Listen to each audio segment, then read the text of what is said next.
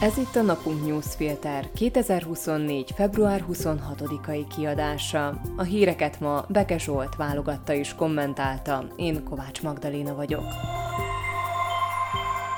Mai témáink Ficóék stagnálnak, a PS azonban erősödik az új Ipsos felmérés szerint. Ficót nem érdeklik a tények, Konteukkal készül az államfőválasztásra. Svédek a NATO-ban, súlyok a Sándor palotában. Megjelent az Ipsos felmérése a pártok preferenciáiról, mely szerint még mindig Robert Fico pártja a Smer nyerni a parlamenti választásokat, csak nem 23% kal és még mindig a progresszív Szlovákia lenne a második helyen 21,3% kal bár a háttérben tapasztalható tendenciák azt mutatják, hogy a Smer támogatottsága változatlan, a PS viszont erősödik. A közvéleménykutatók ugyanis azt is megnézték, hogy a max szavazók, illetve a potenciális szavazók száma hogyan alakult, és ezek azt mutatják, hogy a PS erősödik. A max szavazóinak száma január vége óta kissé növekedett, míg a pártot első vagy többedik opcióként megadó válaszadók 2% ponttal lettek többen. A Smer ez idő alatt több mint 2% pontot veszített max szavazóiból, a potenciálisan őt választók száma pedig 3,5% pontot csökkent, bár a választások eredményével összehasonlítva nem beszélhetünk különösebb változásról. Azt viszont érdemes megjegyezni, hogy a győztesek preferenciája általában megnő a győzelmet követő hónapokban, így imádjuk a győztesek mosolyát.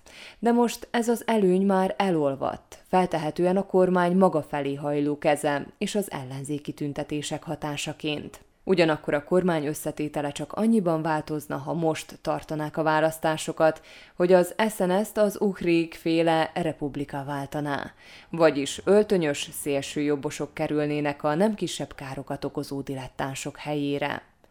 Az a párt, amelyik a Smertől az utóbbi hónapban elvándorolt szavazókat begyűjtötte, nem volt más, mint annak szatellitpártja, a Hlász. És ez mutatja, milyen jól működik a modell. Ha valakinek elege lesz Ficó tényektől elrugaszkodott uszításából, azt felfogja a Hlász puha hálója. A Hlász eredménye több mint egy százalék ponttal jobb, mint egy hónapja. A magszavazóinak száma nem változott, de a potenciálisan őket választók száma több mint egy százalékkal növekedett. Ez is az egyik oka annak, hogy a közelgő államfőválasztás második fordulójának esélyese még mindig a Hlász vezetője, Peter Pellegrini de ahogy elolvadt a fő kormánypártok tél első felében tapasztalt nagyobb előnye, abból látható, hogy a hlász hálója sem mentes a szakadásoktól. Talán a fent elemzett tendenciák és a közelgő államfőválasztás állnak a mögött, hogy Robert Fico a hétvégén többször is üzent a nyilvánosságnak, és teli szájjal a tényeknek ellentmondva mélyítette tovább a társadalom megosztottságát. Szombaton volt az orosz-ukrán háború kitörésének második évfordulója, és Szlovákia miniszterelnökének csak arra futotta, hogy Putyin szócsöveként dezinformálja az országot, terjesszen konteókat. Miután lemondta a témában tervezett sajtótájékoztatóját, a Szombati Dialógok című műsorból kivágott videót tett közzé a közösségi médiában a két ország közti konfliktusról. Nincs hely itt arra, hogy a tények ellenében tett állításait sorra cáfolni lehessen, de emeljünk ki két gondolatmenetet. Az egyikben azt az ország pánszláv részében jól rezonáló összeesküvés elméletet osztja meg, mely szerint a nyugat Ukrajna segítségével azt támogatja, hogy a szlávok egymás vérét ontsák, mintha nem Putyin lenne az, aki a legtöbbet tehet a háború befejezéséért. Majd ennél is tovább ment, s a videó egy pontján Putyin mentegetésébe kezdett, alig egy héttel Alexei Navalnyi halála után. Hasonlóan zavarba ejtő is, ugyanígy hadilában áll a tényekkel a vasárnapi videója is, amelyben azt próbálja eljátszani, hogy veszélyben van az ország szuverenitása, s hogy a nyugati hatalmak megfoszthatják őt a kormányfői pozíciótól. Ebből nyilván semmi sem igaz. Még a két legnagyobb szövetségnek, amelynek tagja Szlovákia, az EU-nak és a NATO-nak sincs joga arra, hogy leváltsa tagországának demokratikusan megválasztott kormányát. Ráadásul a francia elnök nem is háborús csúcs találkozót hívott össze, mint Ficó terjeszti, nincsenek olyan tervek, hogy aktívan beavatkozzanak az orosz-ukrán háborúba. Ehelyett a nyugati világ, melynek elvileg Szlovákia is része akar lenni, egységét szeretnék prezentálni, és ezen keresztül a nemzetközi jog és szerződések elsőbségét az agresszióval szemben. Juraj Blanár külügyminiszter sem igazán tudja, miről beszélt főnöke a szóban forgó videóban. Ficó hisztie nyilvánvalóan a választóinak szól, de elvétette az arányt akkor, mikor megrendültnek szánt ábrázattal arról beszélt, hogy össze kell hívnia a biztonsági tanácsot, és egyeztetnie kell az elhárítással, valamint az ország biztonságát garantáló más szervekkel. Ma az említett egyeztetések után már nem is akarta részletekbe bocsátkozni, és kissé tárgyilagosabban beszélt a párizsi csúcsról, de azt nem állhatta meg, hogy a nyugat fenyegetését fel ne emlegesse, és hogy a putinista retorikát megint csak ki ne használja.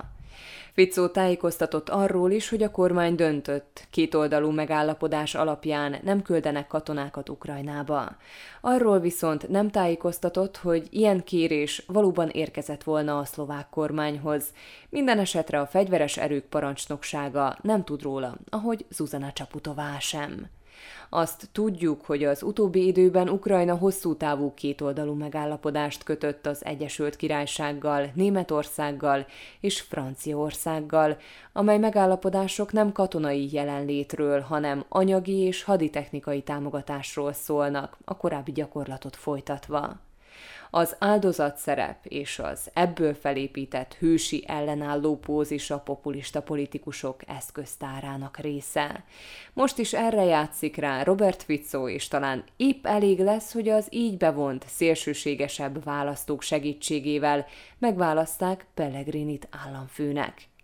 Még akkor is, ha a videója nézése közben az az érzésünk támadhat, hogy ez már a sokadik verzió, hiszen a korábbiakat mind szétröhögte a stáb és a főszereplő. Nagy üzem volt ma a magyar parlamentben, szépségtapaszokat raktak a magyar demokrácia lerohadt arcára. Szégyen volt a kegyelmi ügy, és szégyen volt a svédek NATO csatlakozásának halogatása is. És szégyen az is, ahogy, mint mindig, a súlyos eseményeket az áradatba bevonva Navalnyi halálát is nem tárgyszerűen, tisztelettel kezelték a kormánypártok és az ellenzék, hanem mind gagyi, szellemességnek szánt politikai üzenetek gyártására használták fel. Tordai Bence arra kérte az országgyűlést, hogy egy perces néma felállással emlékezzenek meg a nemrég elhunyt Alexei Navalnyiról, de a kormánypártiak és a mi hazánk megtagadta ezt. Sovinisztáknak nem jár tisztelet, mondta az eset után Orbán. Talán ehhez nincs is mit hozzátenni. Elég visszaemlékezni a kormány menekülteket, romákat és az LMBTQ közösség tagjait nem egy esetben megbélyegző tetteire. Az egyik ma lezárult ügy Svédország NATO csatlakozásának ratifikálása.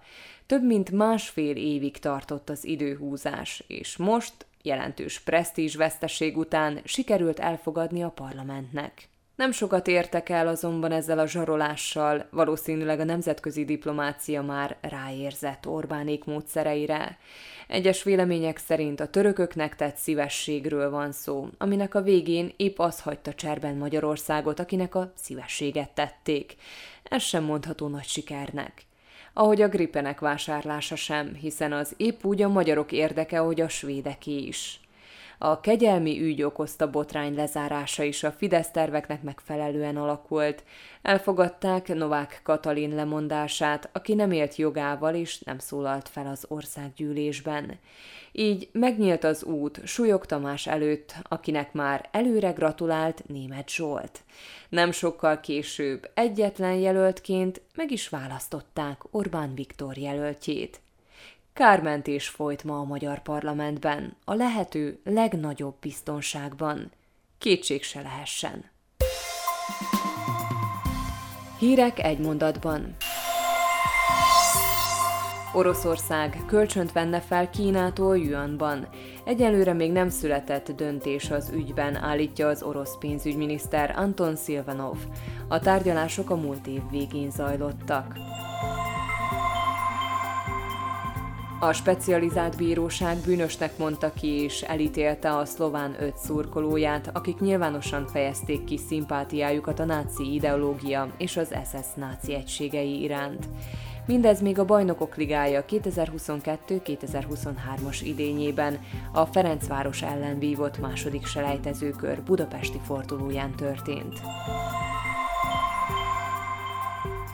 A PS, a KDH és az SAS felszólították Peter Pellegrinit, hogy tegyen eleget alkotmányos kötelességének és ne tartsa vissza a büntető törvénykönyv módosításának megjelentetését a törvénytárban.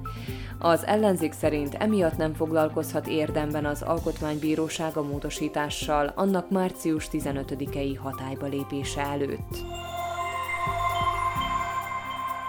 Tomás Drucker oktatási miniszter szeretné megtiltani az iskolákban a mobiltelefonok használatát. A minisztérium szakbizottságot hozott létre, amely az új szabályok bevezetéséről tárgyal. Hogy már ebben az évben érvényben lesznek-e, vagy csak a következő évtől, Drucker április elején mondja meg. Németország most nem ad Ukrajnának Taurus cirkáló rakétákat. Scholz kancellár ezt azzal indokolta, hogy megnőne a kockázata annak, hogy Németország háborúba keveredik Oroszországgal. Donald Trump fellebezett az ellen az ítélet ellen, aminek következtében 450 millió dollárt kell befizetnie, mert rendszeresen magasabb értékűnek mondta a vagyonát a bankokkal folytatott tárgyalás során, mint amennyi az valójában. Állítólag már majdnem megegyeztek Alexei Navalnyi kicseréléséről. Az FSB ügynökére Vagyim Krasikovra cserélték volna. Ezt Navalnyi segítői állítják, akik szerint a megegyezés már az utolsó fázisban volt az orosz politikus halálakor. A BBC, amely a hírt közölte, megjegyezte, hogy ezt az állítást más források nem erősítették meg. A mai napunk newsfilter híreit válogatta és kommentálta Beke Zsolt. Én Kovács Magdaléna vagyok, a Viszonthallásra holnap.